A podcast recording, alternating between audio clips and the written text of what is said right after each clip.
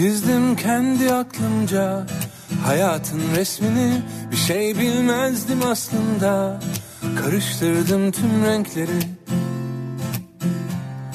Hata yaptım tabii.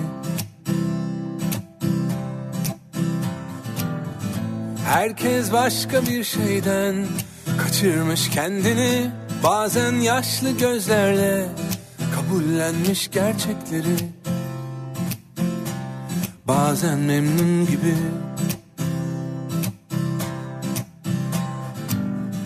Artık çok uzaklaştım.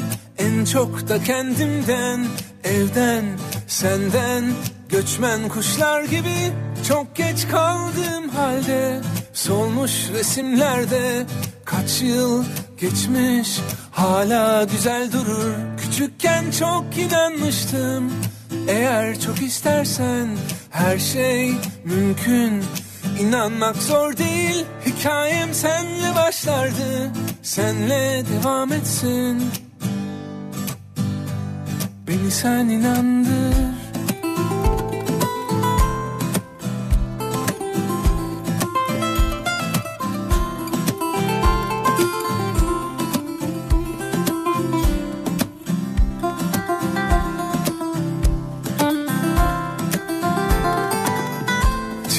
kendi aklımca hayatın resmini Bir şey bilmezdim aslında.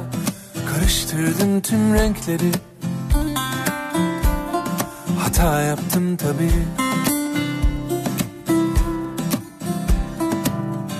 Herkes başka bir şeyden kaçırmış kendini. Bazen yaşlı gözlerle kabullenmiş gerçekleri Bazen memnun gibi.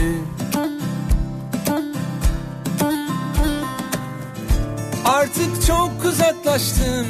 En çok da kendimden Evden, senden, göçmen kuşlar gibi Çok geç kaldığım halde Solmuş resimlerde Kaç yıl geçmiş Hala güzel durur. Küçükken çok inanmıştım.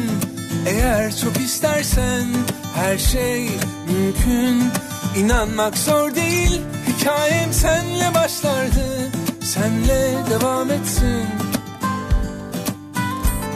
Beni sen inandır.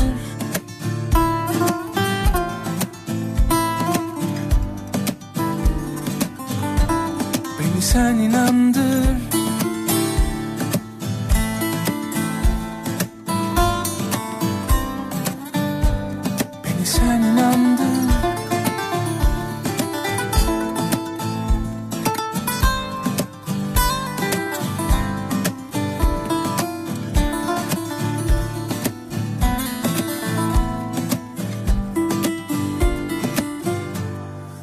sen inandır Türkiye'nin en kafa radyosundan, kafa radyodan hepinize günaydın. Ah İstanbul Yeni günün sabahındayız. Günlerden Perşembe, tarih 26 Eylül. Sisli, puslu ve serin bir İstanbul sabahından sesleniyoruz. Ah Türkiye'nin ve dünyanın dört bir yanına. değil kader Aşk bir yolcu belki Yoldaşı keder. Boğazında sözleri Gemilerle dümlenen Sesine karışır her akşam segahnameler Göğsüne saplanmış. Bıçaklar gibi parlar Toprağının üstünde. Aynalılar Kavuşur iki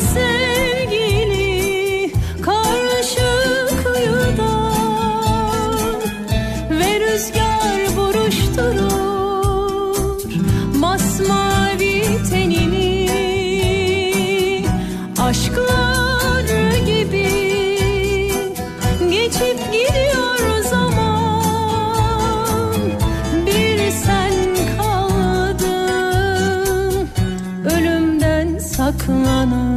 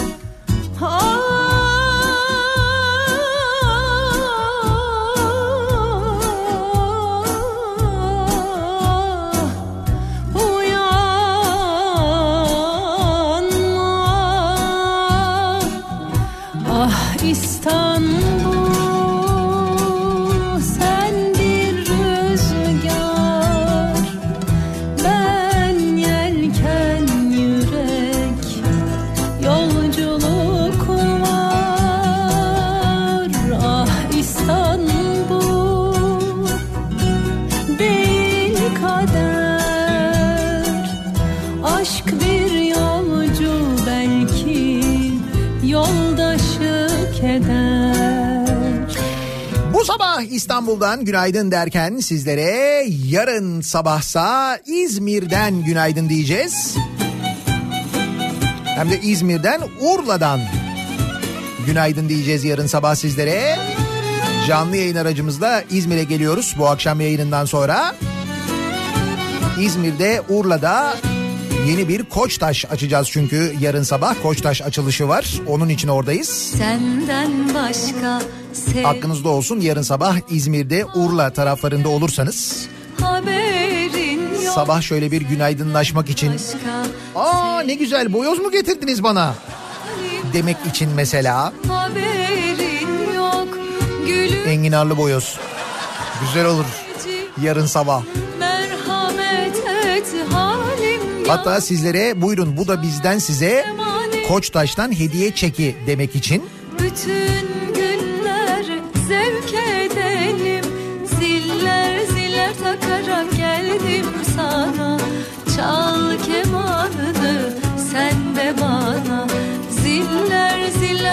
takarak geldim sana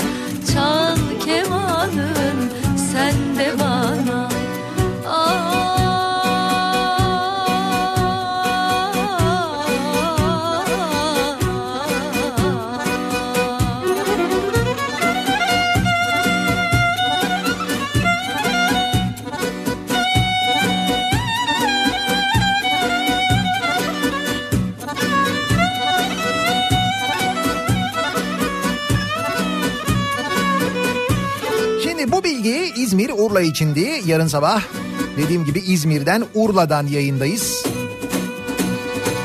Yandım yandım ben bu candan usandım Şimdi de İstanbul'da bizi dinleyen İşte yandım özellikle de İstanbul'la ben bu candan usandım Şekerpınar Gebze arasında her gün seyahat edenleri ilgilendiren gibi önemli bir bilgi. Bu yolu kullananların çilesi bitmedi, bitmiyor ve bitmeyecek gibi görünüyor. Neden? Çünkü TEM'de yeni bir çalışma ve buna bağlı olarak yol daraltma durumu söz konusu. Daraltılan sadece yol değil bu yolu kullananlar olacak aynı zamanda. TEM otoyolunda yapılacak köprü inşaatı sebebiyle bugünden itibaren Orhanlı Şekerpınar gişeleri arasında yolun her iki istikametinde de bir şeritin daraltılacağı bildirilmiş. İstanbul Büyükşehir Belediyesi'nden yapılan açıklamada Kurtköy Kavşağı Şekerpınar Kavşağı arası TEM Güney Kuzey Yan Yol Düzenleme İnşaatı kapsamında köprü çalışmasına başlanacağı belirtilmiş. Bu nedenle bugünden itibaren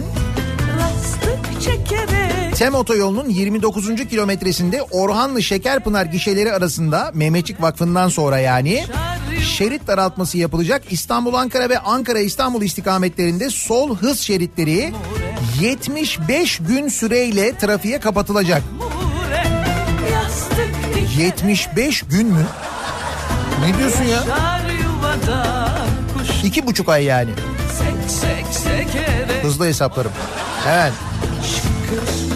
Şıkırda tıkır Emniyet şeridi kullanılarak trafik akışı yine 3 şeritten sağlanacak.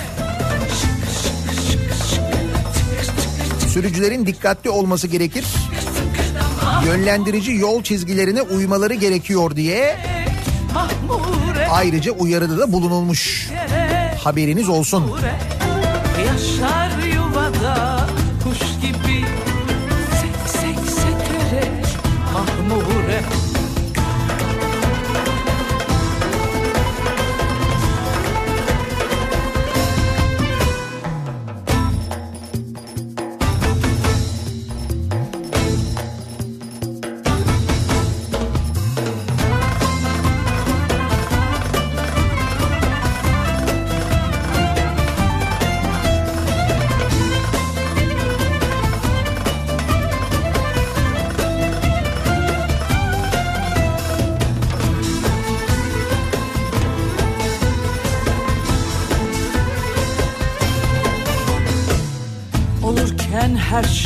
tarihin tenceresinde aşure kahvede içer keyifle penceresinde mahmure Rastık çekerek mahmure Yastık dikerek mahmure Yaşar yuvada kuş gibi Sek sek sekerek mahmure Rastık çekerek mahmure Yastık dikerek mahmure Yaşar yuvada kuş gibi Sek sek sekerek mahmure. Şıkır şıkır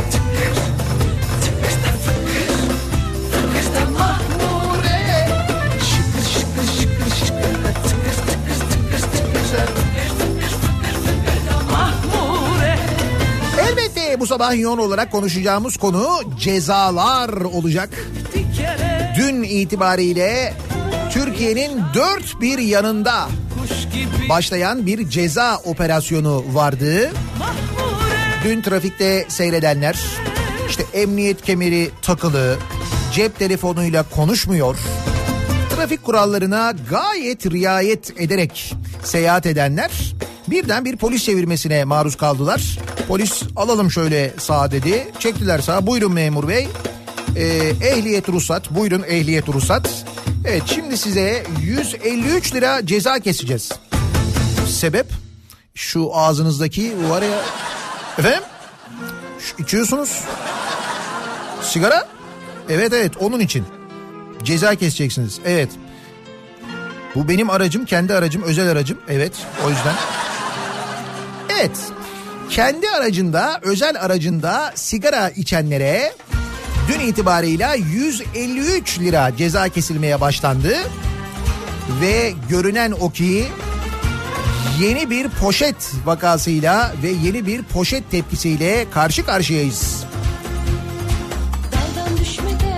Şimdi dolayısıyla önümüzdeki dakikalarda programın ilerisinde bu ceza konusuna geri dönüp cezalarla ilgili konuşacağız. anlaşmalı Çünkü son zamanlarda sadece bu 153 liralık sigara içme cezası değil yani kendi özel aracında sigara içme cezası değil. Ki bu arada ben sigara içen biri değilim. Arabamda sigara içmiyorum. Hiç içmedim bugüne kadar. Öyle bir alışkanlığım yok. Fakat artık bu kadar da kişisel özgürlüklere müdahale bana göre de değil bak bu arada sigara içenler için özellikle söylüyorum biraz fazla gelmiş görünüyor. Yeni bir kırmızı çizgimiz var anlayacağınız. Ama sadece bu cezalar da değil üstelik bir de şöyle bir durum var. Ee, belli ki seçimlerden önce epey ertelenen cezaların da vakti gelmiş. Ve belli ki şu zamanda gelmiş. Kaynak kim? Kaynak kim? Kaynak halkımız. Evet kaynak zamanı gelmiş kaynak.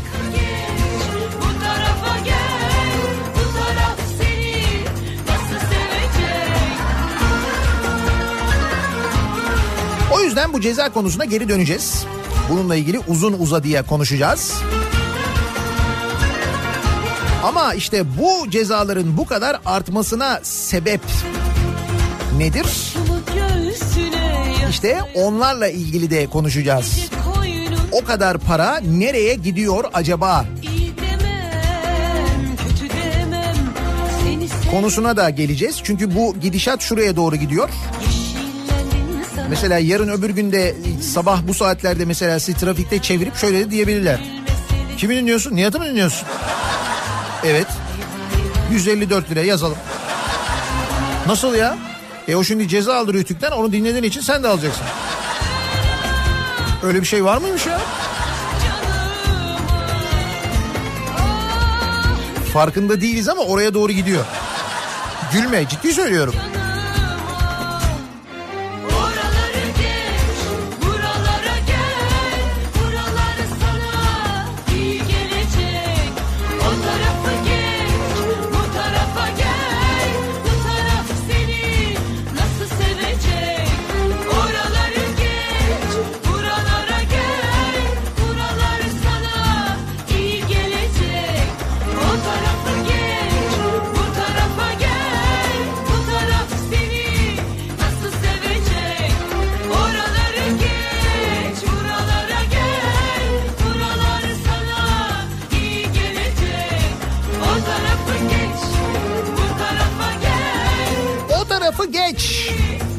gel belki buranın trafiği biraz daha açıktır diyenler için dönüyoruz. Hemen sabah trafiğinin son durumuna şöyle bir bakıyoruz.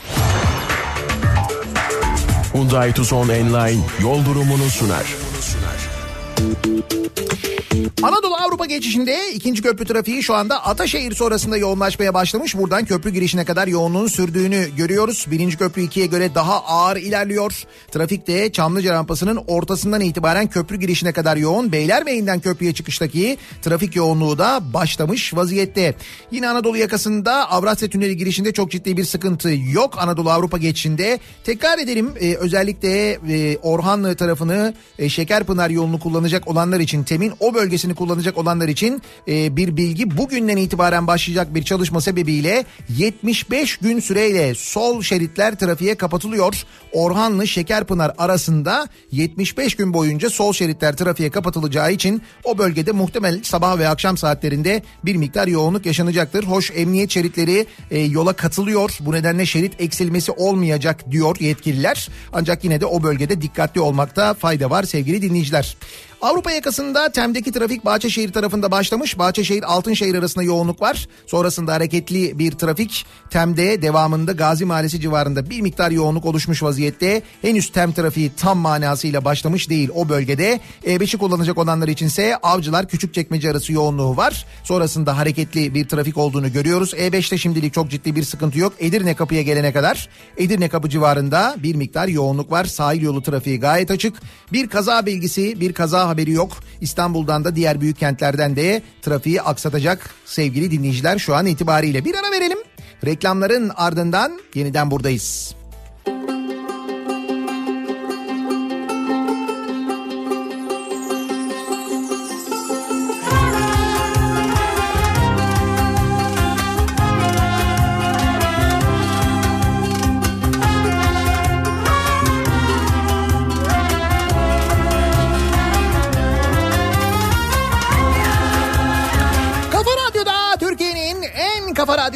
Devam ediyor. Daiki'nin sunduğu Nihat'la muhabbet. Ben Nihat Sırdar'la. Perşembe gününün sabahındayız. 7'yi 28 dakika geçiyor saat. Geçiyor günler Kimi karda Ne diyor şarkıda? Kah keyifli, kah temkinli geçiyor günler. Nerede keyifli, nerede temkinli olursunuz? Mesela şöyle bir yerde keyifli olabilirsiniz. Örneğin bir düğün salonuna gidersiniz. Değil mi? Bir arkadaşınızın düğünü vardır. Orada mesela keyiflisinizdir ya da arkadaşlarınızla birlikte bir yere oturup bir şeyler yemeye gitmişsinizdir. Bir şeyler içmeye iki satır. Orada mesela keyifli olursunuz. Sohbetten keyif alırsınız. O sırada belki çalgıcılar gelir. Böyle beyninize beyninize klarnet üflemeyen çalgıcılardan bahsediyorum ama. Orada böyle bir keyif. Buralarda keyifli olursun. Tedirgin olduğun yerler nerelerdir mesela? yaşanmaz Misal adliyede tedirgin olursun değil mi? Kara Niye? Çünkü başına bir şey gelebilir diye güvenmiyorsun ya. Bir de adliye orası yani. Mesela orada tedirgin olursun. Ne bileyim ben bir devlet kurumundayken tedirgin. Mesela hastanede mesela değil mi? Hastanede bir tedirgin olursun. Hastanedir orası çünkü orada böyle birçok sorunu olan insan var. Hasta olan insan var. Hasta yakını olan insanlar insanlar endişeli, tedirgin orada çünkü insanlar. Yukarıda ne bileyim ben annesi, kardeşi, çocuğu mesela hasta, endişeli, aşağıya inmiş. Kapıda hava alıyor mesela. Tedirgin o insanlar, üzgün. Ve o tedirgin, üzgün insanlar hastanede bekleşirken içeriden ses geliyor. Sıra gecesi var içeride çünkü o sırada. Hastanede evet. Ya Adana Şehir Hastanesi'nde sıra gecesi yapılmış. Sıra gecesi. Ama bu arada sıra gecesini de gündüz yapıyorlar. Yani bu kadar tutarsız, bu kadar mantıksız, bu kadar saçma. Her tarafından bakıyorsun saçma yani. Hastanede sıra gecesi neymiş ya? Ya böyle bir şey olur mu?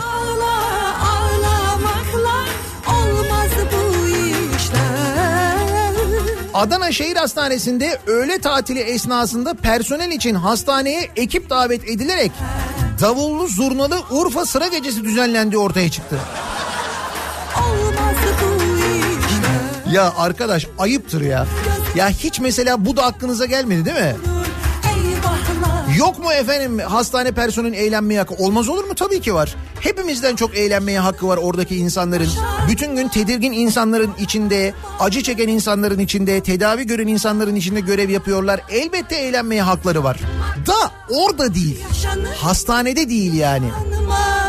Bal gibi bilip ama katlanmakla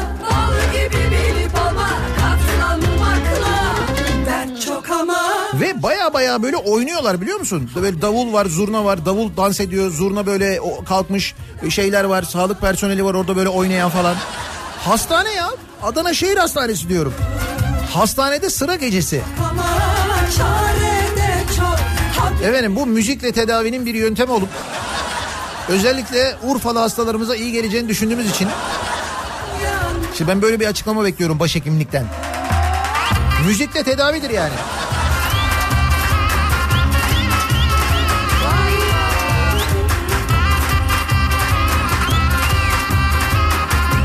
Adana Milletvekili Doktor Müzeyyen Şevkin meclis gündemine taşımış konuyu ve Sağlık Bakanı Doktor Fahrettin Koca'ya sormuş bu durumu.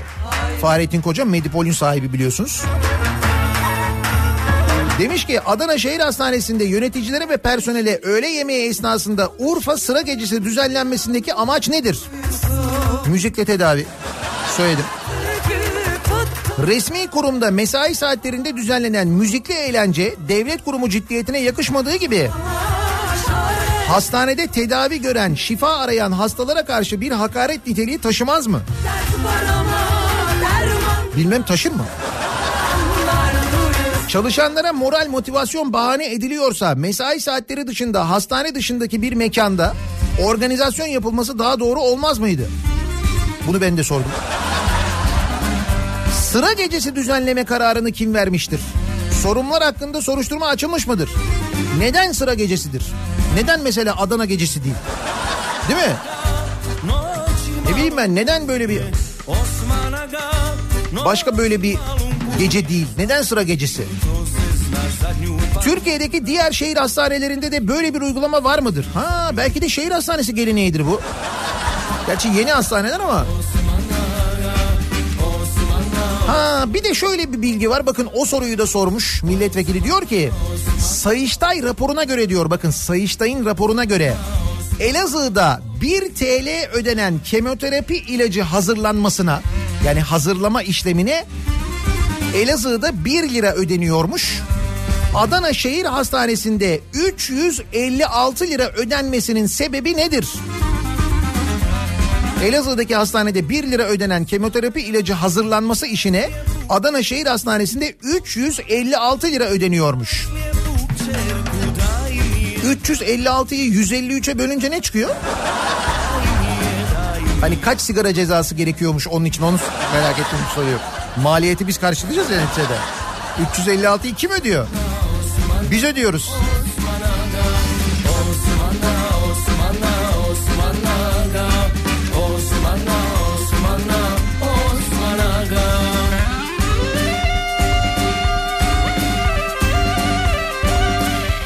Hadi biz e, yani biz buradan böyle şimdi görünce görüntüyü gerçekten üzülüyoruz kızıyoruz da orada ben baktım görüntülerde onlarca insan var sağlık personeli var. Biri de çıkıp ya arkadaşlar ne yapıyorsunuz? Ayıp oluyor burada insanlar ölüm döşeğinde yakınları var falan dememiş mi ya? Kimse dememiş mi bunu yani? Bu kadar mı duyarsız bir toplum haline geldik biz? Üstelik bunlar eğitimli insanlar. Bakın ne kadar duyarsız bir toplum haline geldiğimizi ben şimdi size başka bir örnekle anlatacağım. Ve maalesef bu örneğin sonunda ölüm var biliyor musunuz? İstanbul'da namaz kılarken kalp krizi geçiren adamı cemaatten yalnızca iki kişi umursadı. Adam öldü. Ya görüntüler var izleseniz inanamazsınız biliyor musunuz? Bir camide imamın arkasında böyle 3-4 sıra insan dizilmiş namaz kılıyorlar. Şeyin e, caminin kamerasında e, güvenlik kamerasında kaydedilmiş görüntü. En arka sıradaki e, en arka sırada namaz kılanlardan bir tanesi böyle en baştan ikinci kişi böyle yere e, kapaklanmış vaziyette. Diğerleri de baya böyle işte namaz kılıyorlar. Kimse ilgilenmiyor adamla. Sonra arka sıralardan biri geliyor.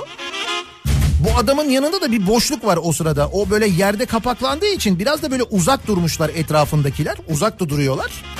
Sonra arka taraftan biri geliyor. Ee, arka taraftan gelen biri zannediyorsun ki yardım edecek. Hayır yardım etmiyor. O aradaki boşluk var ya o boşlukta namaza duruyor. Hani imama daha yakın olacak ya oraya doğru gitmiş. Orada namaza duruyor. O da ilgilenmiyor. Sonra aradan bir vakit geçiyor. Arkalardan biri geliyor. Yine arkadan biri geliyor. Adama bakıyor. O arada namaz devam ediyor ama. Ee, hadi de ki böyle farkında değiller ki bence farkında olmamaları merak etmemiş olmaları mümkün değil. Hareketsiz yerde yatıyor adam çünkü hani böyle yerde hareketsiz yatıyor belli bir sıkıntı var. Fakat kimse müdahale etmiyor adama. Arka taraftan biri geliyor sonra ikinci bir kişi geliyor. O ikinci kişi bakıyor e, bir sıkıntı olduğunu anlıyor. Adamı geriye doğru çekiyor yatırıyor ve adamın nefes almadığı anlaşılıyor. Bunun üzerine bir kişi daha geliyor. Birlikte müdahale ediyorlar. Bir tanesi telefonla e, ambulans çağırıyor. Diğeri bir şeyler yapmaya çalışıyor. Artık belli bir sıkıntı var. Adam e, nefes almıyor yani o belli. Anlaşılıyor çünkü şeyden böyle konuşuyorlar, bağırıyorlar, çağırıyorlar. Ve kimse bırakmıyor biliyor musunuz namazı? Kimse bırakmıyor namazı. Yardımcı olmuyorlar adama. Görüntü var ya açın izleyin. İnanılmaz bir şey gerçekten de. İnsan hayatından ve insan hayatını kurtarmaya çalışmaktan daha kutsal, daha önemli bir şey olabilir mi? Ve bunu orada yani oradaki insanların orada namaz kılan insanların duymamış olması, görmemiş olması, farkında olmamış olması mümkün değil yani. Ve kimse müdahale etmiyor ya. Ya onun için diyorum yani biz gerçekten ne zaman bu kadar duyarsız, ne, ne zaman bu kadar vicdansız? Vicdan çok önemli bir şey biliyor musunuz? Vicdan gerçekten çok önemli bir şey. Ve bizde müthiş bir vicdan eksikliği, müthiş bir vicdan kaybı var. Ne yaşıyorsak, başımıza ne geliyorsa bundan geliyor bence. Vicdan sıfır yani. Bu seninki asmaları budamadılar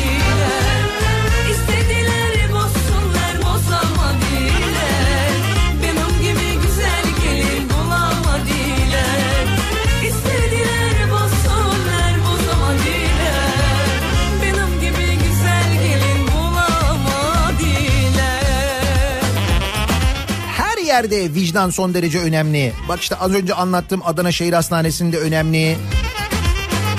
İşte burada camide namaz kılarken İstanbul'da önemli. Kırklareli Kıyıköy'de. Kırklareli Kıyıköy. Kıyıköy'e hiç gittiniz mi? Kırklareli'ne gittiniz mi? Cennettir Kırklareli Kıyıköy. Ve biz o cennetin ortasından ağaçları kese kese Türk akımı projesi için boru döşemeye yol açıyoruz. Türk akımı projesi neye yarıyor Türk akımı projesi peki? Oradan Rusya'nın doğal gazı geçiyor. Peki biz Türk akımı projesini buradan geçirdiğimiz için mesela doğal gazı bu doğal gaz geçip giden ülkelerden daha ucuza kullanabiliyor muyuz? Yani bize yarıyor mu? Yaramıyor değil mi? Şimdi bakın Kıyıköy'de ne olmuş? Kırklareli Kıyıköy'de tarlaları, tarlalarını ortadan ikiye böldürmemek için tarlanın tam ortasından geçecekmiş. Bu e, Türk akımı projesi. İşte bu projeye karşı mücadele eden üç kız kardeşin tarlasına dün gece, geçtiğimiz gece, dün değil bir önceki gece yetkililer iş makinalarıyla girmişler gece bakın. Tarlaya giden üç kız kardeşler bu tarlanın sahipleri. Tarlaya giden pembe kurt yüze yakın kolluk kuvvetiyle karşılaşmış. Jandarma var. 100 jandarma gelmiş. Üç kadının sahip olduğu tarladan bahsediyoruz. Bu tarladan gece boru hattı geçirmeye çalışıyorlar. Gece 100 jandarma eşlik ediyor boru hattı geçirmeye çalışanlara. Ve ne oluyor? Tarlanın sahibi kadın. Üç kız kardeşten bir tanesi tarlasına gidiyor yapmayın diye hırpalanarak ve kelepçe takılarak Kıyıköy karakoluna götürülüyor. Bu kadın. Tarlanın sahibi olan kadın. Gözaltına alınıyor. Pembe Kurt'un engelli kardeşi Naciye Küçük Meriç ve Hatice Kurt da kardeşlerini yalnız bırakmamak için karakola gidiyorlar. Karakolda bekliyorlar. Göz altında tutulan Kurt'un kardeşi Hatice Kurt ablama kelepçe takarak karakola getirdiler. Çok ağrına gitti, sinir krizi geçirdi, avukatımız yok. Ablamın karakolda serbest bırakılmasını bekliyoruz demiş. Birazcık vicdan ya. Birazcık vicdan yani. Ateşi yak savrulayım göklere Biraz kül biraz duman olup sevişelim sevginle Tayfunlar söndürmesin yansın dünya benimle Gel bir dokun bana yeter cehennemden kurtulayım Burada da vicdan eksikliği var. Bir kadın kendi malını, kendi tarlasını savunduğu için, yapmayın dediği için Fikrimi deli et beni 15-20 asker üstüme çullandı. Ameliyatlı koluma kelepçe taktılar. Bir tek beni gözaltına aldılar. Benim onurumla oynadılar. Kelepçe taktılar. Ben yolsuzluk yapmadım. Hırsızlık yapmadım. Bana neden kelepçe vurdular? Bunlarda bu kadar mı vicdan var? Vicdanınız bu kadar mı? Biz masumuz, biz garibanız. Kimi kime şikayet edeceğiz? Onurumuzu kırdılar demiş. Şurada İstanbul'un hemen yanı başında Kırklareli'nde Kıyıköy'de bu oluyor işte. Beni içimde Biraz daha aşağıya inelim. Kaz Dağları'na dönelim. Hatırlıyoruz değil mi Kaz Dağları'nı, Kanadalı şirketi, burada yapılan çevre katliamını. Neydi Kanadalı maden şirketi? Alamos Gold. Bu Alamos Gold şirketinin 10 yıllık işletme ruhsatının 13 Ekim 2019 tarihinde bittiğini biliyor muydunuz? Evet önümüzdeki 13 Ekim 2019 tarihinde Kanadalı şirketin bu altın arama maden arama ruhsatı bitiyormuş sevgili dinleyiciler. Şimdi normal koşullarda bu kadar tahribat yapan, bu kadar tepki çeken, üstelik yaptıkları bu tahribat ve doğanın içine etme karşılığında Happy Top'u Türkiye'ye ne kadar para kazandıracaklardı? 89 milyon dolar mı? 150 milyon dolar mı? 150 milyon dolar para ödeyip defolup gidecek olan bu şirketin maden arama ruhsatı 13 Ekim'de sona eriyormuş. Şimdi normal koşullarda dediğim gibi bu kadar tepki üzerine ne olması gerekir? Bu ruhsatın yenilenmemesi gerekir değil mi?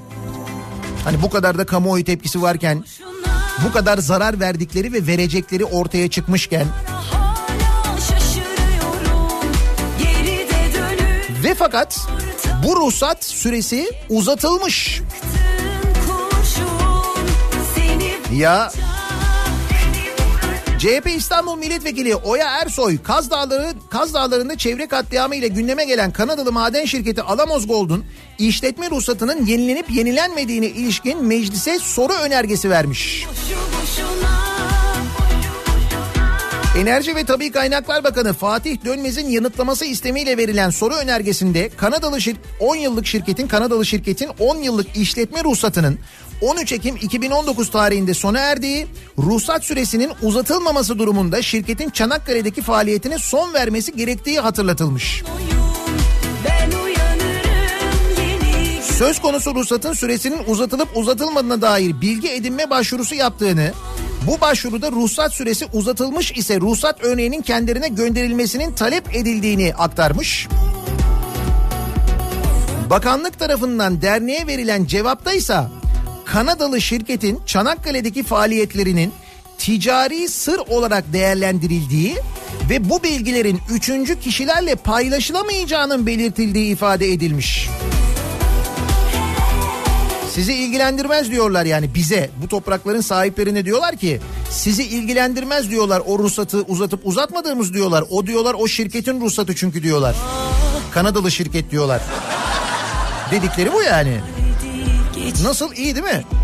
her şeyi unutalım diyorsun Denedin mi birileri gecene konuk mu oldu Emin oldun mu Ve ne için yapıyoruz bunu? 150 milyon dolar. Yanlış hatırlamıyorum değil mi? 150 milyon dolar vereceklerini, Türkiye'ye ödeyeceklerini açıklamıştı. olanlar Bu e, Kanadalı şirketin CEO'su katıldığı bir televizyon programında öyle bir şey söylemişti değil mi? Bir de Türkler çok iyi taş taşırlar demişti. Onu da hatırlıyorum.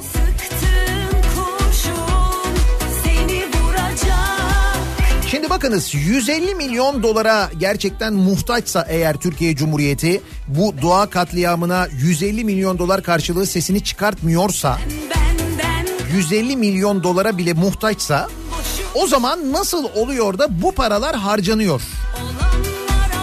Şimdi ben size birkaç tane örnek vereceğim. Üstelik bu örnek Sayıştay raporlarından verilen örnekler. Devletin kendi denetleme kurumunun 2018 yılı raporlarından rakamlar bir bir ortaya çıkıyor sevgili dinleyiciler. TMSF ihalesiz 1.3 milyarlık iş vermiş. 1.3 milyar TL. 1.3 katrilyon. Sayıştay yakalamış. 2016 yılında Dijitürk'ü ihalesiz Katarlara satan TMSF'nin aynı yıl benzer bir işlemi Ataşehir'de sahip olduğu arsalar için gerçekleştirdiği ortaya çıkmış. Sayıştay'ın tespitine göre 1 milyon lira ödeyemeyecek durumda olan bir firmaya 1 milyar 324 milyon liralık iş ihalesiz verilmiş. Nasıl 1 milyon ödeyemeyecek firmaya TMSF Ataşehir'de sahip olduğu arsaları ihalesiz olarak Aksüs Yapı adlı şirkete arsa satış karşılığı gelir paylaşımı sözleşmesiyle 2016 yılında vermiş.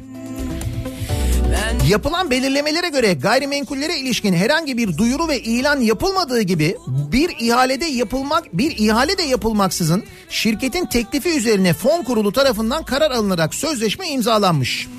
İşe alan Aksüs Yapı, Reyhan İnşaat ve Marmara Fidancılık'la birlikte projede ortaklığa gidip 2017 yılında 1113 daire ve 44 ticari alandan oluşan Ataşehir Modern Projesi'ne başlamış. Sayıştay denetçileri gerçekleştirilen işlemin kanun ve yönetmeliklere aykırı olduğuna dikkat çekerek zaman ilerledikçe ihalesiz biçimde ve keyfi olarak seçilen yüklenicinin bu işi sonuçlandıramayacağının anlaşıldığını vurgulamış. Bu durumu bir örnekle anlatan denetçiler yüklenicinin yani bu ihaleyi alan ihale değil aslında bu arsaları alan firmanın 28 Ocak 2019 tarihinde fona yaptığı başvuruyla firma tarafından yaptırılan proje tadilatına ilişkin ruhsata esas ücretin yani harç tutarının e, 1 milyon 308 bin lira olan harç tutarının ödenmesini e, ödenmesini yapamadığına dikkat çekerek söz konusu bu tutarın fon tarafından ödenmesini talep etmiş. Yani 1 milyar 300 milyon liralık iş alan firma 1 milyon lira bir harç ödemesi gerekiyor. Demiş ki bunu ben ödeyemiyorum. Fona demiş ki sen öde. Fon da demiş ki olur. Fon kurulu kararıyla bahse konu tutar fon bütçesinden ödenmiştir denilmiş. Peki sonra ne olmuş? Firma bu işi yapamamış. sanki Sözleşme 3 yıl sonra feshedilmiş. Arazileri geri almış TMSF.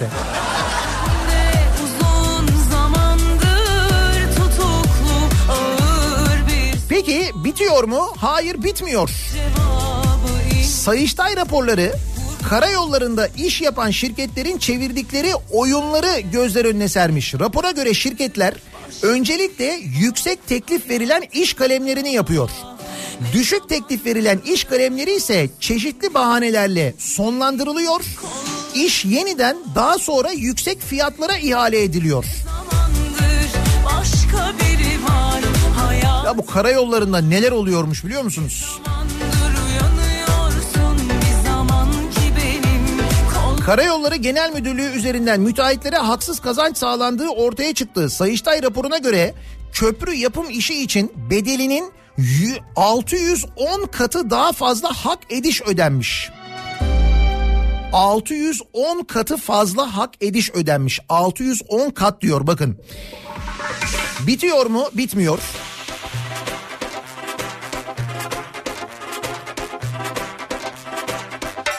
SGK raporuna göre hastalara konulan tanılar ve ameliyat bilgileriyle faturalandırılan işlemler uyuşmuyor. Özel hastanelerde hasta ya da yıllık izinde gözüken doktorların ameliyat ve muayene yaptıkları bu işlemlerin de SGK'ya faturalandırıldığı belirlenmiş. Ölümlerden bir yıl sonra dahi faturalandırma yapılmış. Bu da SGK raporlarından şey Sayıştay raporlarından çıkıyor. Mal para neye yarar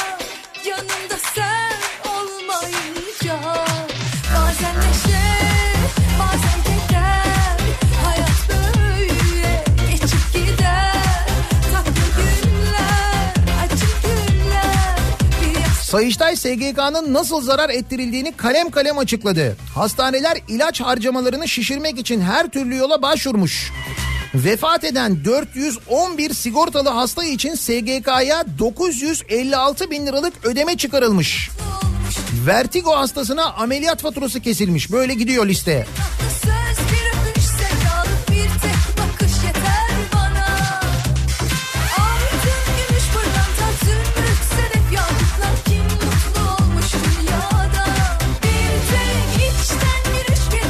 Seçim öncesi muhtaç olanların yararlandığı destek programından geliri olanlar da faydalanmış. Türkiye İş Kurumu'na yönelik Sayıştay raporunda seçim döneminde artış yaşanan kısa süreli gelir getirici iş olarak muhtaç kişilerin faydalanacağı ifade edilen toplum yararına programdan gelir getirici başka bir işte çalışanların da yararlandırıldığı yer almış. Bu kişilere yapılan ödemeler toplamda 700 bin lirayı bulmuş. Bitmiyor. Elektrik dağıtım şirketlerinin yeterince denetlenmediği öğrenilmiş. Elektrik faturalarına yansıtılan ve şirketlerce bakanlığa aktarılması gereken 575 milyon 940 bin liralık elektrik enerjisi fonu katkı paylarının doğruluğunun da kontrol edilmediği belirlenmiş. Sayıştay denetçileri Enerji Bakanlığı'nın bu noktada ihmalinin olduğunu saptamış.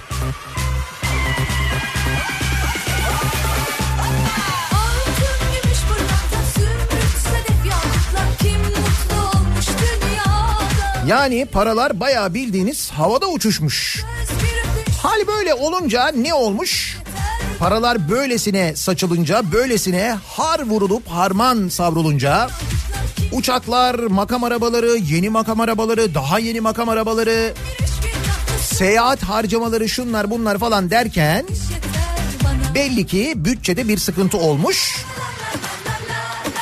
Bunun üzerine tüm radarlar çalıştırılmış.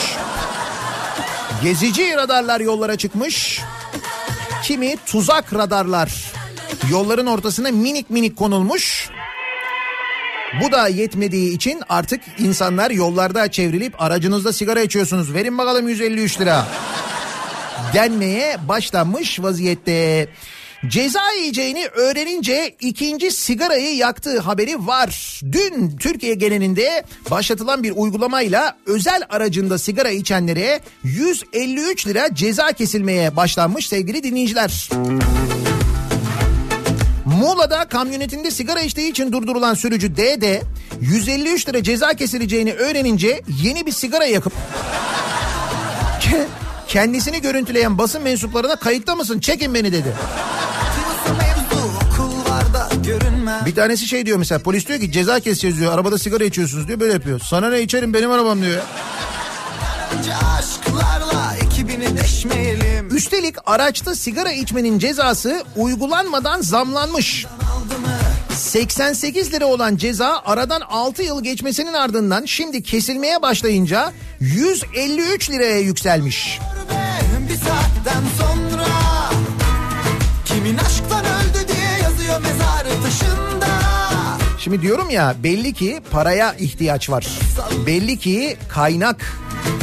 Kapatma sakın Kaynak kim?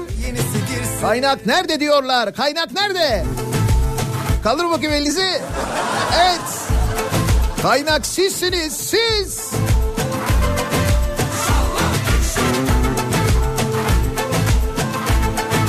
Cezalar üzerine konuşalım bu sabah. Çünkü sadece bu sigara cezası değil. Seçimlerden sonra paldır küldür cezalar gelmeye başladı. Farkındasınız değil mi? Bir yıl önce kesilen cezalardan tutun da hiç sizinle alakası olmayan hayatınızda belki hiç gitmediğiniz şehirlerde yediğiniz cezalar bile gelmeye başladı. İşte bu cezalarla ilgili konuşalım istiyoruz.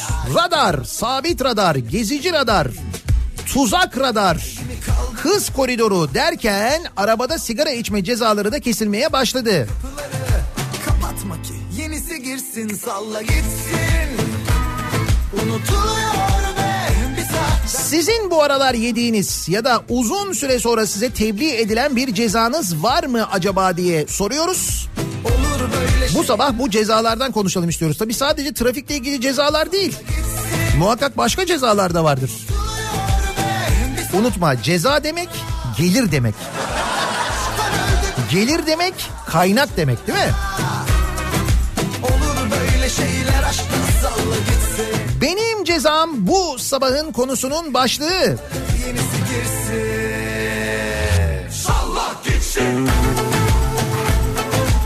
Gitsin sizin bu aralar yediğiniz bir ceza daha doğrusu size gönderilen bir ceza var mı? Acaba nedir o cezalar? Benim cezam bu sabahın konusunun başlığı sosyal medya üzerinden yazıp gönderebilirsiniz mesajlarınızı. Twitter'da böyle bir konu başlığımız, bir tabelamız, bir hashtagimiz an itibariyle mevcut.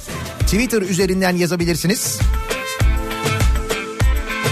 Facebook sayfamız Nihat Sırdar fanlar ve canlar sayfası buradan yazıp gönderebilirsiniz. nihatetnihatsırdar.com elektronik posta adresimiz. Bir de WhatsApp hattımız var. Olsun ben cezamı göndereyim de ismim sizde kalsın diyorsanız WhatsApp'tan da yazabilirsiniz. 0532 172 52 32 0532 172 kafa. Buradan da gönderebilirsiniz mesajlarınızı. Benim cezam bu sabahın konusu. Reklamlardan sonra yeniden buradayız. Ya bir öne gel ediyor. ya bir geri git ya da bana bırak hadi bu nasıl bir beat Bir gün kralsın bir gün varsın bir gün yoksun bazen tok Bu nasıl bir gün bu yeni bir gün ve de bana neşe verebilecek bir gün Her gün tekrar doğdum bazen soğudum kaçtım kendimden. Birden fazla yorucu olur. Dertler artar sorunu bulun. Kimler çözmüş ki bu sorunu? Bizler bulsak da bu soruyu. Göremiyoruz çözemiyoruz. Birileri iki geri yürüyoruz hep. Kimler gelmiş geçmiş sırlar var hep hiç çözülemeyen. Dünden kalmış ne var acaba? Çok tebrikler bulup alana. Tam bir yapboz hayat acımaz. Yoktur diyen bunu nasıl göremez? Tabi göremez. Bakamadı hiç. Kafasını çevirip o yere gömer hep. Birden fazla bundan varsa artık yandı hep insanlıktan çıkmış bazen gördüm gerçekten sen yok. Zannetsen de gerçek böyle her yerde. Haykırsan inletsen de asla duymaz. Hiç kimse Hep anlatsan. Zannetmem ben duysun kimse bir yerde. Peri beni nerelere götürüyor veremedim. Ara bile bana bunu getiriyor. Geri geri gidiyorum. Arada bir sıkılınca adım atamadım aratara. Hadi beni gelip al. Dere tepe koşuyorum. Arası da sıkılıp elime de bir kalem alıp aşıyorum Tepelere deli gibi yürüyorum. Gece gece kapa çene. Hadi bunu hece hece edip gelip al. Neyi bilemedik acaba ve neyi göremedik? Atamadım adı kelimize de ne geçmiş. Nerelere gelemedik acaba ve nereleri göremedik yanına varamadık hiç Biri bana desin hadi bunun sonu nerelere var? Neyin sonu? Bunu bana soruyorsun ama derin düşünen iki kalır. Geri meri geri kalan iyi değirmeni çevirmeli mi Hadi bile bunu başa alıp okuyalım ya da bunu boşa koyup okutalım. Bu ne fayda? Hele bir de yolu kesenlere bir yol açın. Atı bile yarım adım ileride yürüyor. Kutu gibi dolu kafa beni deli ediyor ve sonu bile bile geri adım atamadığımız uçuruma gidiyorsak aman uzak olun. Geri durun yasak olan şeyler çok olur. Kafa Radyo'da Türkiye'nin en kafa radyosunda devam ediyor. Cezam Nihat'la muhabbet. Daiki'nin sunduğu Nihat'la muhabbetin bu sabah konusu benim cezam. O nedenle ceza ile başladık bu bölüme. Son günlerde yağan gelen mesajlardan da anlıyoruz adeta yağan cezalar. Bir yıl önce, iki yıl önce, üç yıl önce kesilen cezalar bugün herkesin eline ulaşıyor. Yetiyor mu? Yetmiyor. Şimdi arabada yani kendi özel aracınızda sigara içmek de artık yasak. Onun da cezaları kesilmeye başladı. 153 lira ceza kesiliyor. Kendi özel arabanızda sigara içerken trafik polisi görürse ceza kesiyor artık. Belli ki bir kaynak ihtiyacı var. Sizin cezanız ne acaba diye soruyoruz. Yanına ama çok çok Yanına yanına Daha çok daha çok lazım. Gönderin cezaları. Doğuştan katarakt hastasıyım. Dolayısıyla ehliyetim yok. Ama 2009'da kiralık arabayla kazaya karışmışım. 2011'de gelen cezaya geç itiraz ettiğim için ödemek zorunda kaldım. Kazayla da ilgisi yok bu arada ama. Dava yolu varmış ama ondan da ceza yeriz diye tırstım. Kaynak benim kaynak diyor. Geri aldık baştan Yine yine yerlere ser beni mindere Kıyamam sana ben Tutuşur kül olurum Sürerim alayı Savaşır uçuş olurum Yarısı hatırlatır Ben şimdi tek başıma kimse yokken aracımda sigara içemiyor muyum? Hayır içemiyorsunuz işte yasak diyorum 153 lira. Ha 153 lirayı ödüyorsunuz. İçiyorsunuz onda sıkıntı yok. Yakışır bir gözyaşın geçersin enleri Yanına yanına al beni yanına Geçen ay Ankara Esat Caddesi'nde aynı cadde üzerinde 3 kez ceza yazmışlar. 10 dakika arayla. Dün de 1776 lira yazdılar. 15 gün önce de 488 lira radar cezam geldi. Devlet bütçesine katkıda bulunduğumu düşünüyorum. Güzel güzel bu yolda devam. Çok çok çok Trafik cezalarını yatırmayanlara bir sene sonra aranma çıkıyor polis alıyor. Benim arkadaşa çıktı ben taksiciyim beni de alırlar yakında herhalde demiş bir dinleyicimiz. Bu cezaları ödemezseniz eğer hakkınızda yakalama kararı çıkıyor haberiniz olsun. Sonra bir gece böyle çevirmeye girdiğinizde GBT kontrolünde sizi şöyle alalım yapıyorlar. Al beni yanına yakışırız ama çok çok Yanına yanına al beni yanına yakışırız ama çok çok Şirket aracıma Temmuz ayında 1000 lira emniyet şeridi cezası gelmiş. Bu arada ne fotoğraf var ne kanıt. Kaynak benim. Emniyet şeridinden gitmenin cezası 1000 lira oldu mu ya? Eğer 1000 lira olduysa bence güzel olmuş. Yani bu cezalar hakkı ile kesilirse gerçekten emniyet şeridinden gidene, emniyet şeridini kullanana 1000 lira ceza kesiliyorsa o kesilsin.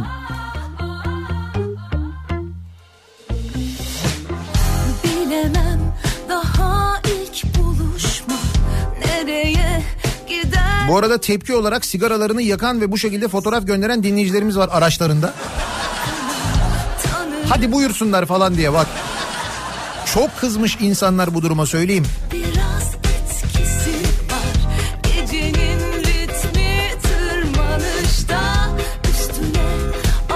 Merak ettiğim şey kullanan mı ceza alacak şoför içmiyor yanındaki içiyor. Bu durumda ceza kime kesiliyor? Şoföre mi? Güzel sorular bunlar.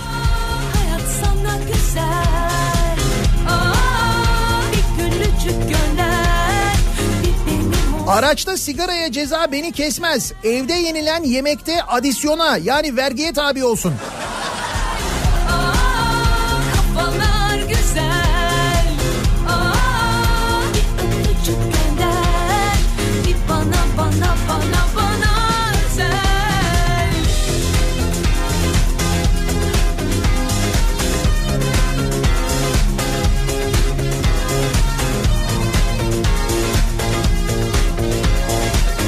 Evin önünde duran arabamıza kırmızı ışık ihlali ve geçilmesi yasak olan yerden geçmek suçlarından 420 lira civarı bir ceza gelmişti.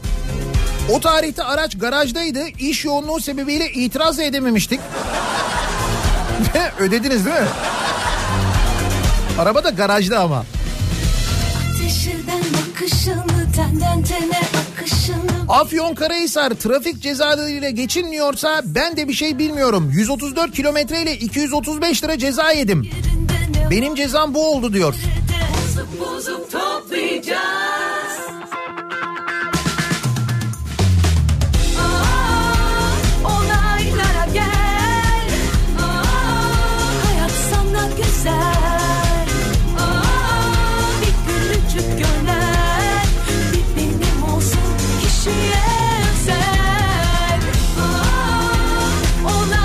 Nihat Bey benim cezam hashtagini görünce E-Devlet'e girip cezam var mı diye sorguladım yokmuş. Öyle mi o zaman hemen iletiyorum ben arkadaşlara size madem hiç yok. Size de bir tane yapalım.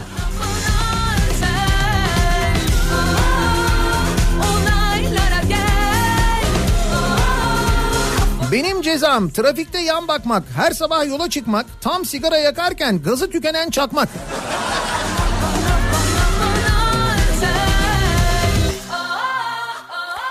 Eşimin iş yeri değişikliğinden sonra yeni çalıştığı yerin daha önce ödenen vergileri hesaba katmaması ve ödeyeceğimiz binlerce lira maaş üstünden anlaşma yapıldığı için ödenmeyen vergiyi biz zaten almadık.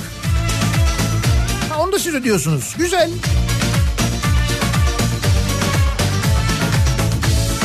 Benim cezam milyonlarca yıldır var olan dünyada yüzlerce yıldır Türk vatanı olan ülkemde bu döneme denk gelmek. Bu da çok geliyor bu arada.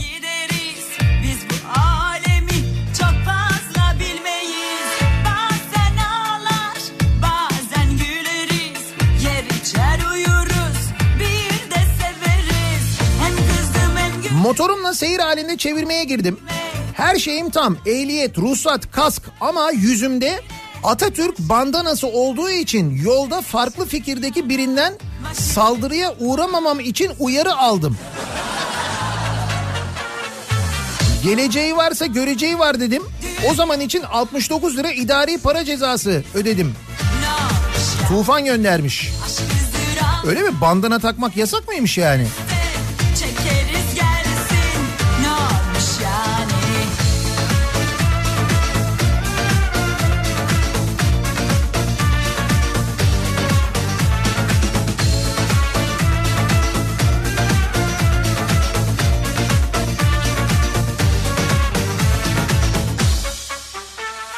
İzmit Başiskele'de kaza vardı. Ben ana yoldan sağa döndüm mecburen.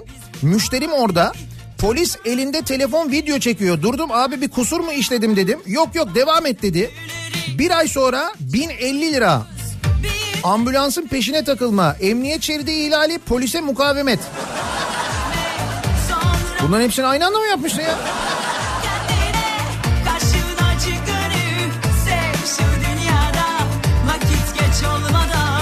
Arabamda OGS varken HGS'den kaçak geçmeyi becerebilmek benim cezam. Tüm cezalar Kurtköy çıkış. Bariz şekilde Kurtköy gişelerde OGS okumuyor arkadaş. O yüzden HGS'den geçmişim.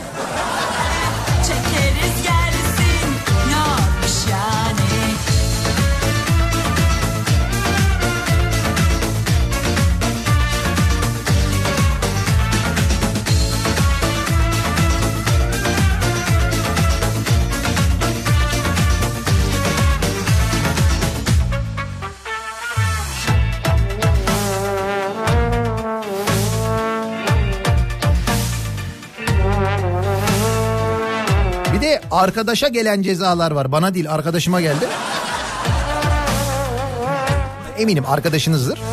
Arkadaşıma yasa dışı kumar oynama suçundan 12.500 lira ceza geldi. 3 Mart 2019 tarihinde tespit edilmiş deniyor. Bir banka hesabına 200 lira yatırdığı içinmiş. Tabii bu hesabı hesabın sahibi yani 200 lira para yatırdığı hesabın sahibi bahis işi yapıyormuş. Kabahatler kanununa göre de 7100 ila 23 bin lira arası ceza limiti belirlenmiş. Yani yasa dışı bahis oynatan birinin hesabına para yatırdığınız tespit edilirse 12.500 lira. Bu da güzel kaynak. İyi bu da.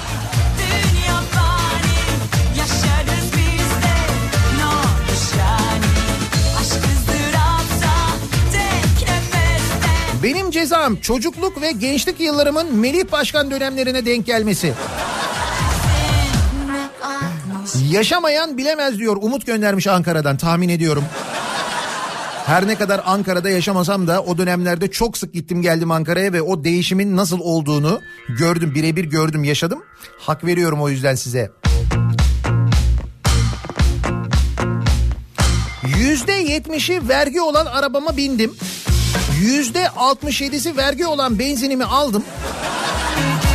Aa burada benzin demişken ben bir parantez açayım mesaja devam edeceğim. Bu gece yarısından sonra benzine indirim geliyor haberiniz olsun. Böyle bir 18 ila 20 kuruş arasında o civarlarda bir indirim gelecek bu gece yarısından sonra. Devam ediyorum. Yüzde 80'i vergi olan sigaramı yaktım ve yüzde yüzü bütçedeki açığı kapatacak cezamı yedim. İşte örnek vatandaş. açacak. Ben beni bende bir bulsam. Ne eksik ne fazla öyle tamam.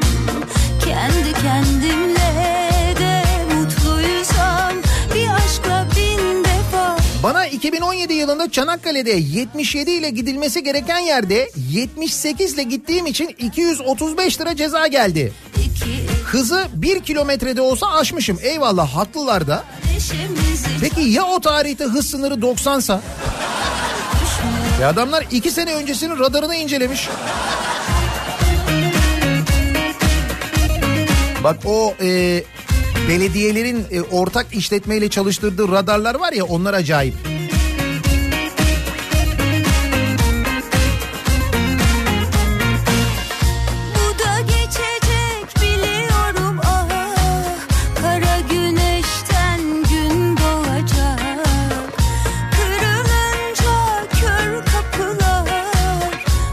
Bu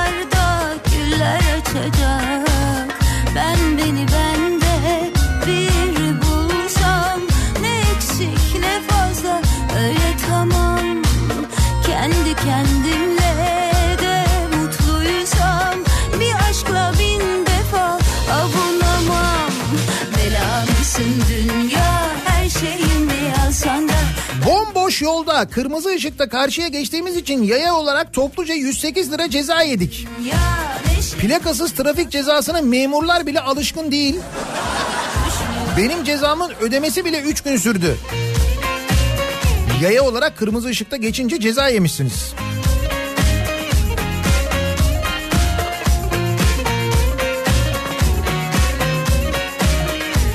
...70 kilometre sınırlı Antalya Burdur otoyolunda 98 kilometre ile ceza yemişim. Benimki normal ceza. Evet hak etmişsiniz. EDS ile gelen cezaların bile neden online gözükmediğini, manuel ödendiğini günümüz koşullarında anlamış değilim. Onu ben de anlamıyorum. Yani bu cezaları e, 2019 yılında şu teknolojiye kadar getirdiler. Hız koridoru koyuyorlar. Sen o e, şeyin bir radarın altından ya da bir hız ölçerin altından geçiyorsun. Diğerinin altından çıktığında senin ortalama süretini ölçüyor. O mesafe içinde ve çıktığında eğer ortalama süretin üstüne çıktığını anlıyorsa süreye göre bakıyor ve sana cezayı gönderiyor. Bunu gişelere bile koydular biliyorsunuz. Buraya kadar her şey normal. Bakın TEM'de e, mesela İstanbul Ankara arasında TEM'de bu uygulama yapıldığı için artık o kadar efendi gidiyorlar ki insanlar. Bu, bu güzel. Peki bu teknolojiye rağmen yani bu teknolojiyi kurabilen sistem nasıl oluyor da bu ceza belirlendiği anda bu cezayı gönderemiyor? Tebliğ edemiyor. Ama e-posta yoluyla ama e-devlet yoluyla. Geçtim onu. Posta yoluyla göndereceksen de kardeşim ceza kesildiği anda o araba belli. Plakası belli, o plakanın kayıtlı olduğu yer belli. Anında bir zarfa dönüşecek. Gülüşünle başladı PTT ile anlaşma yapacaksın. Gelecek emniyetten mi nereden olacaksa alacak o zarfları. Hemen ertesi gün gönderecekler. Bir hafta içinde sana o ceza ulaşacak. Olması gereken bu değil mi? Bir yıl sonra ceza gelmesi neymiş ya? Ne kadar saçma. Bir yıl sonra geliyor. O cezanın caydırıcılığı da ortadan kalkmış oluyor o zaman. Tamam kaynak olacağız olalım da. Hani bari işe yarasın insanlar oralarda aynı suçları işlemesin. Sen niye oraya bir e, hız sınırı koyuyorsun? Orada kaza olmasın diye değil mi? Orada o sürat yapılması gerekiyor diye. O süratten fazla sürat yaparsan kaza riski oluyor diye. E tamam sürat yapmasın insanlar caydırıcı olsun diyorsan eğer o zaman bunu vaktinde göndereceksin. Yani şu sistemi kurup ondan sonra o cezayı bir yıl sonra göndermek nedir canım? Efendim posta pulu parası bulamıyoruz. Ona mı kaldık yani? Lan bin lira ceza gönderiyorsun adama. Posta pulu parası neymiş? Çıkar bir kanun tebliğ edilenden alınır posta ücreti de. Onu da al. Nasıl olsa kaynağız. Ne olur yani? Hay vaktinde gelsin. Ben bir daha aynı süreti orada yapmayayım bileyim yani değil mi?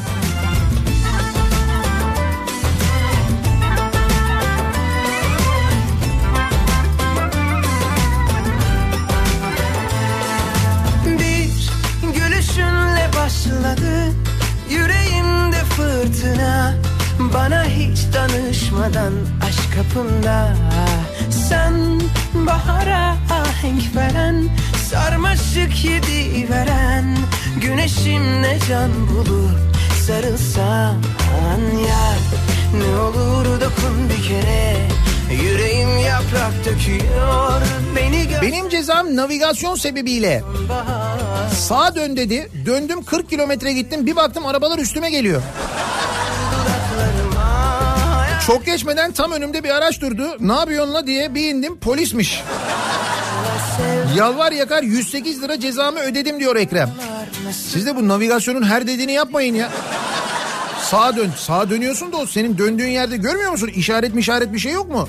Aşksan sakınsam kül olur Ateşe dayanmaz bu şehir yanar Sevdalar sevdalar Bir güler bir ağlar Nasıl güzellik Allah'ın kalbe zarar Gitsen mi kalsam mı Mecnun'a sorsam mı kül olur Ateşe dayanmaz bu şehir yanar Merhaba ben Canikos'u. Benim cezam Sayıştay. Bitmedi gitti arkadaş. Ne öldürdü ne de güldürdü Bilimsel araştırma parasıyla gezmeye gittiler. Bunu da Sayıştay tespit etmiş. Neymiş bu? 114 yurt dışı 57 yurt içi gezisi yapmışlar. Sakarya Üniversitesi'ni denetleyen Sayıştay bilimsel araştırma projeleri harcama kaleminden yurt içi ve yurt dışı gezileri düzenlendiğini belirledi. Söz konusu geziler için 246 bin lira harcandı. iyiymiş. Kaynak kaynak. Kaynak lazım.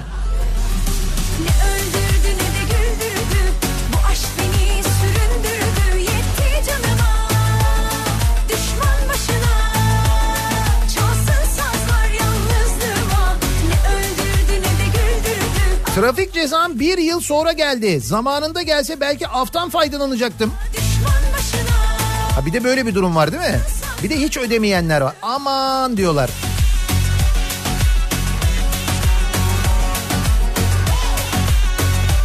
Nasıl olsa af çıkacak o zaman öderim. Ama işte bak bir daha söylüyorum artık ödemediğinde yakalama kararı çıkıyor hakkında.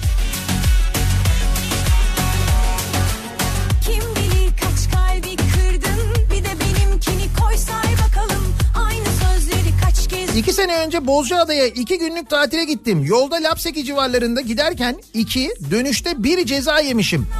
Hız sınırı 70 olan yerdeki cezalardan ikisi 78 kilometre, biri 79 kilometreyle. Neyse en azından birinden kurtarmışım diye seviniyordum. 6 ay sonra 78 de yediğim dördüncü cezada geldi. O biraz gecikmiş.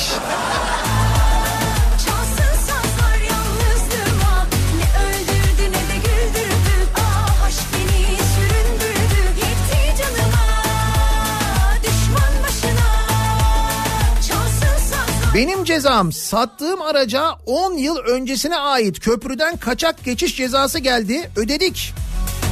Peki 10 yıl önce köprüden kaçak geçmiş miydiniz?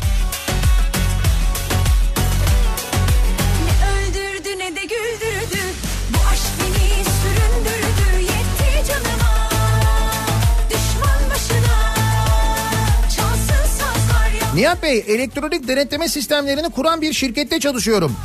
Cezalar keyfek eder günün belli saatlerinde kesiliyor. Nasıl yani? Hayır, cihaz 24 saat çalışıyor ama cezaları kesenler keyfek eder kesiyor. Ceza kesen memur sayısı çok az. Kesilen ceza çok fazla. Tabi bir de buna işgüzarlık ekleniyor. Sadece İstanbul'da bu kadar gecikiyor cezalar. Diğer illerde süre çok daha kısa oluyor. Yani bu cezalar hala manuel. İşte ben de onu söylüyorum arkadaş. Hala niye manuel? Hala niye memur kesiyor onu ya? Böyle bir sistem kurduysan sistem otomatik cezayı yazacak, katlayacak, printer'dan çıkacak, o bir zarf haline gelecek, PTT alacak, götürecek, postalayacak. Bitti bu kadar işte. Hala memurun kesmesi neymiş? Yıl olmuş 2019 kurduğun sisteme bak. Cezayı gönderme yöntemine bak. ne de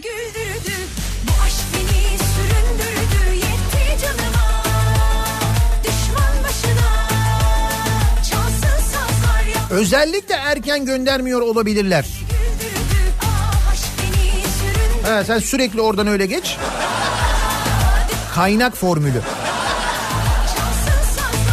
Cezalarla ilgili konuşuyoruz sevgili dinleyiciler. Bu aralar cezalardaki artış kaynak gereksinimi olduğu hissi uyandırdığı için sizin bugünlerde yediğiniz ya da çok önceden yediğiniz ama yeni tebliğ edilen bir cezanız var mı diye soruyoruz. Benim cezam bu sabahın konusu reklamlardan sonra yeniden buradayız. Kafa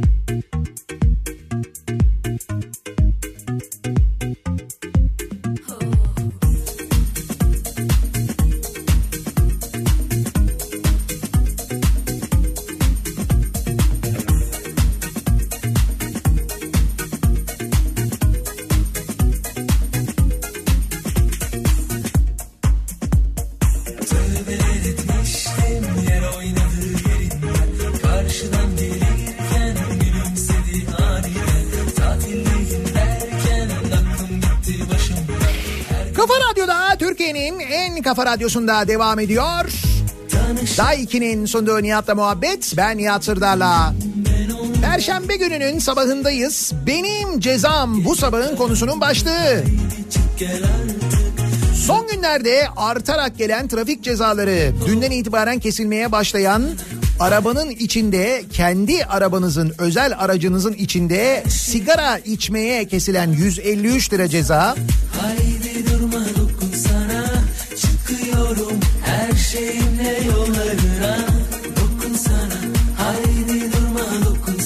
sizin bu aralar böyle bir cezanız var mı acaba diye konuşuyoruz.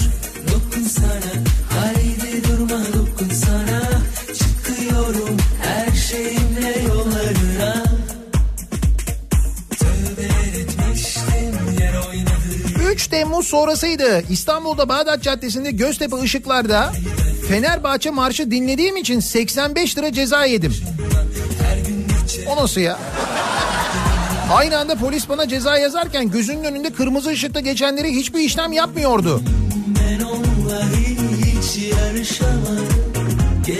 Nasıl bir dönemdi o dönem değil mi?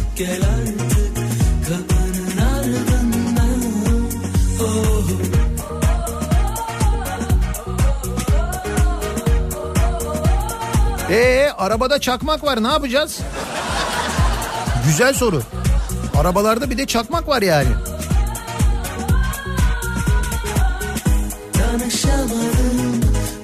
Benim cezam geçen yıl yazılmıştı diyor Nesrin. Eşim aynı semtte oturup aynı iş yerinde çalıştığı dört iş arkadaşıyla aynı araçta işe gittiği için 3 bin lira ceza yediler. Sebep korsan taksicilik. Eşim bu arada kuyumcu. Ayrıca araçtakilere de 550 lira ceza kesildi. Hani hepimiz aynı tarafa gidiyoruz. Bir kişinin arabasıyla gidelim madem. Paylaşalım daha çok araç trafikte olmasın diye çıkarsan da bu oluyor. Nasıl?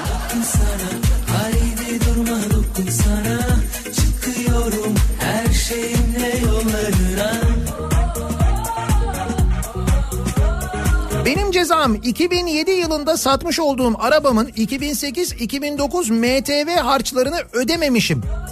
Birçok vatandaş gibi aman bunlarla uğraşılır mı deyip daha önce ödemesini yapmış olduğum e, radar cezası ile birlikte ikisini birlikte ödedim. Çok zevkliydi herkese tavsiye ederim diyor Kerem.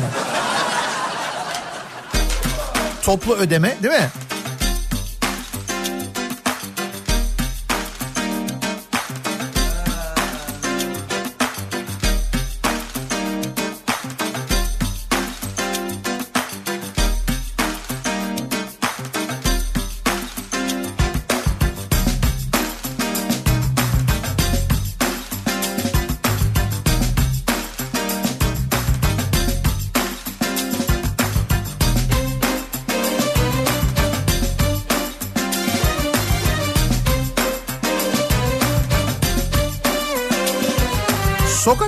Arasında evimin önünde duran araca yanlış park diye ceza göndermişler. Hem de iki gün arayla cezalar bir buçuk ay sonra birer gün arayla mesaj olarak geldi. Bak güzel bu mesaj olarak gelmeye başlaması iyi. Bu E-Devlet'ten falan geliyorsa eğer. Gelmiş Gözlerinle mahvettin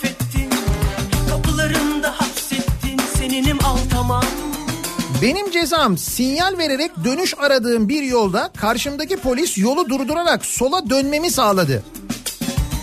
Polis işaret ettiği için rahatlıkla oradan döndüm. Daha sonra sağa çek dedi. Dönülmez yerden döndüm diye ceza kesti. İyilik yaptı sandığım polis meğer ceza kesmek istemiş. Ama siz de sinyal vermişsiniz, kaşımışsınız. Buradayım demişsiniz.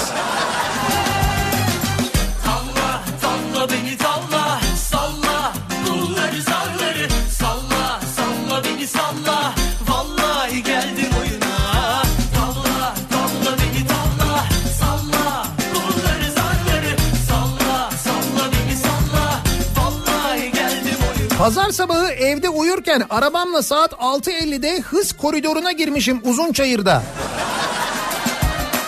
Cezayı yeni yolladılar 33 gün sonra. Ama siz o sırada uyuyor muydunuz evde? O iyi.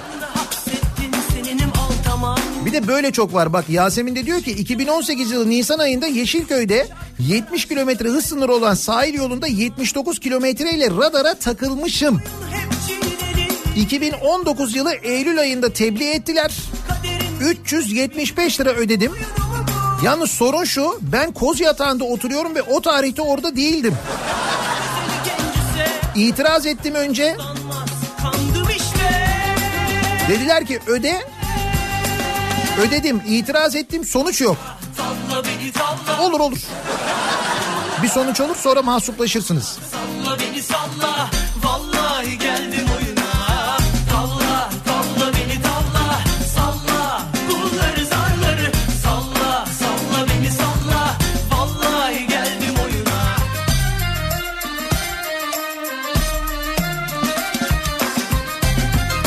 Benim arkadaşım Teknokent'te çalışıyor. Gelir vergisinden muaf. Yine Teknokent'te başka bir firmaya geçti. Maliyeden 10 bin lira gelir vergisi cezası geldi. Şimdi Teknokent vergi gelir vergisinden muaf arkadaşınız değil. Öyle olmuyor iş.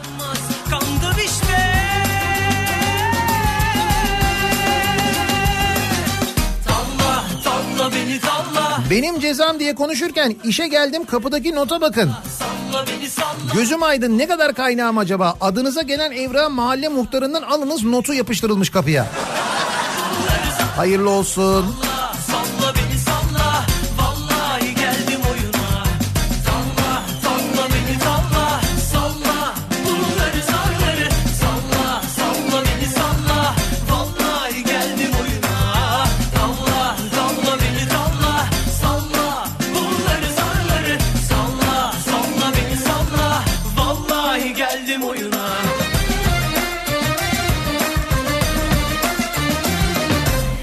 9 ay sonra gelen radar cezaları 9 ay sonra mı gelir? Madem ceza kesiyorsun gönder gelsin biz de hatamızı bilelim. Teknoloji bu kadar gelişti onu söylüyorum ya işte.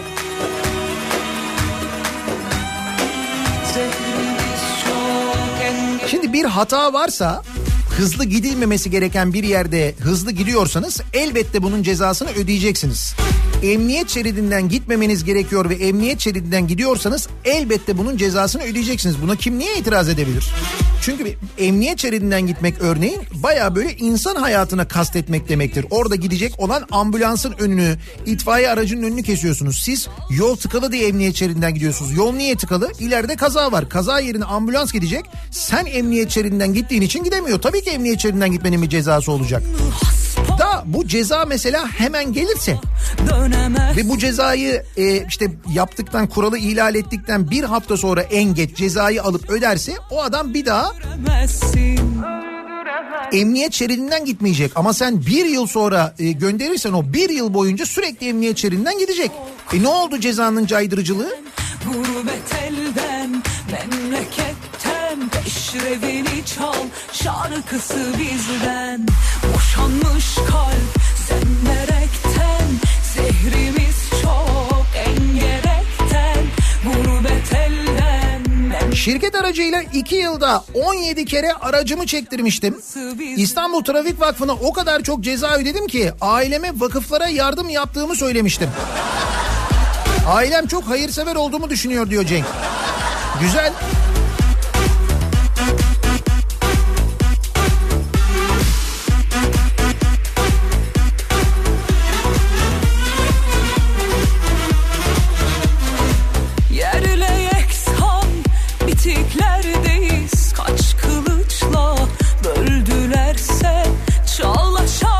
Arabamı sattım. Sattıktan 2 sene sonra E-Devlet'e bakınca ceza geldiğini gördüm.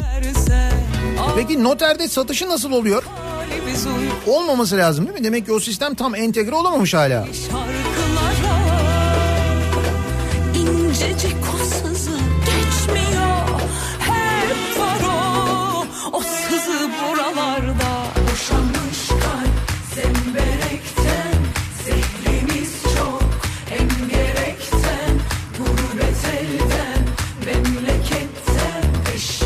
Uşak Banaz'da TEDES hem İzmir'e giderken hem de İzmir'den sabaha karşı dönerken iki kez ceza yazdı. Birincisi 5 ay sonra geldi. İkincisi gelebilir. Hanıma alma sakın demeye kalmadan ikincisi de ertesi gün geldi. 5 ay yine makulmüş ya. Fena değilmiş yani.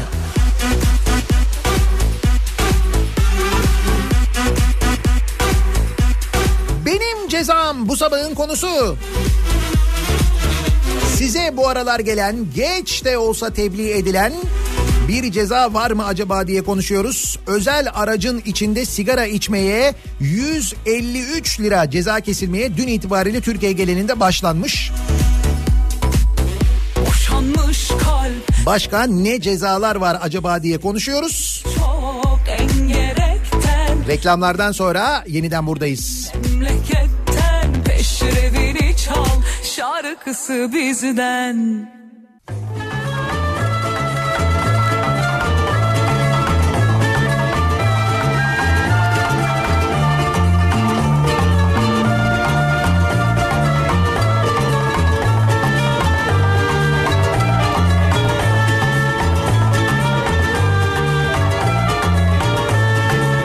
Artık inandım ben şansıma seni çıkardı karşıma. Deli gibi aşığım ben sana. Sen bir yana bu dünya bir yana. Sen bir yana bu dünya bir yana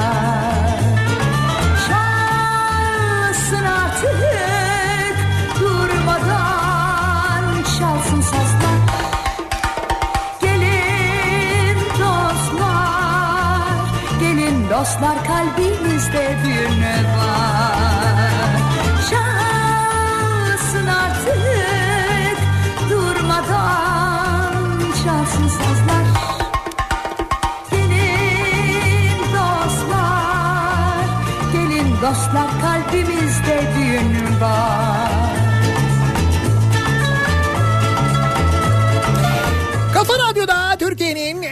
kafa radyosunda devam ediyor. Daha 2'nin sunduğu Nihat'la muhabbet. Ben Nihat Sırdar'la Perşembe gününün sabahındayız.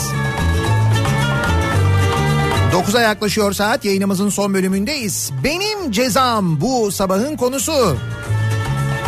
Sonunda erdik Bu arada dün e, aracında sigara içerken, kendi aracında sigara içerken ceza yiyenler ve hemen ceza kendilerine tebliğ edilenlerden de mesajlar geliyor.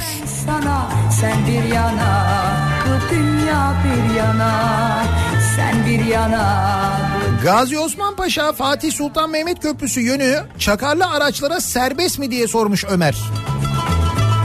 Bilmem o bölgeye has öyle bir serbestli durumu var mı yoksa özel bölgedir belki orası. Ne oldu çakarlar da yasaklanacaktı değil mi? Ama çakmaya devam ediyorlar.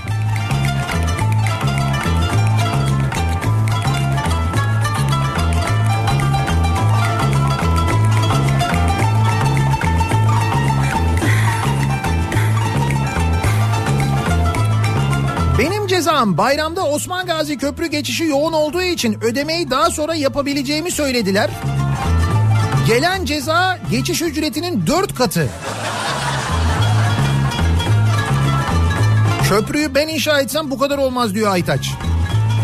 Neyse ki biz inşa etmedik cebimizden beş kuruş para çıkmadı. O kısmı güzel değil mi? Kripto Odası programı başlayacak. Güçlü Mete Türkiye'nin ve dünyanın gündemini sizlere aktaracak. gelin dostlar bugün Bu akşam 18 haberlerinden sonra Sivrisinek'le birlikte yeniden bu mikrofondayım ben eve dönüş yolunda sizlere eşlik etmek üzere. Yarın sabah İzmir'deyim. Yarın sabah Urla'dayım. İzmir'den Urla'dan yayınımızı gerçekleştireceğiz. Urla'da yarın bir Koçtaş açıyoruz birlikte. Yarın sabah Urla'da buluşacağız. Tekrar görüşünceye dek hoşçakalın.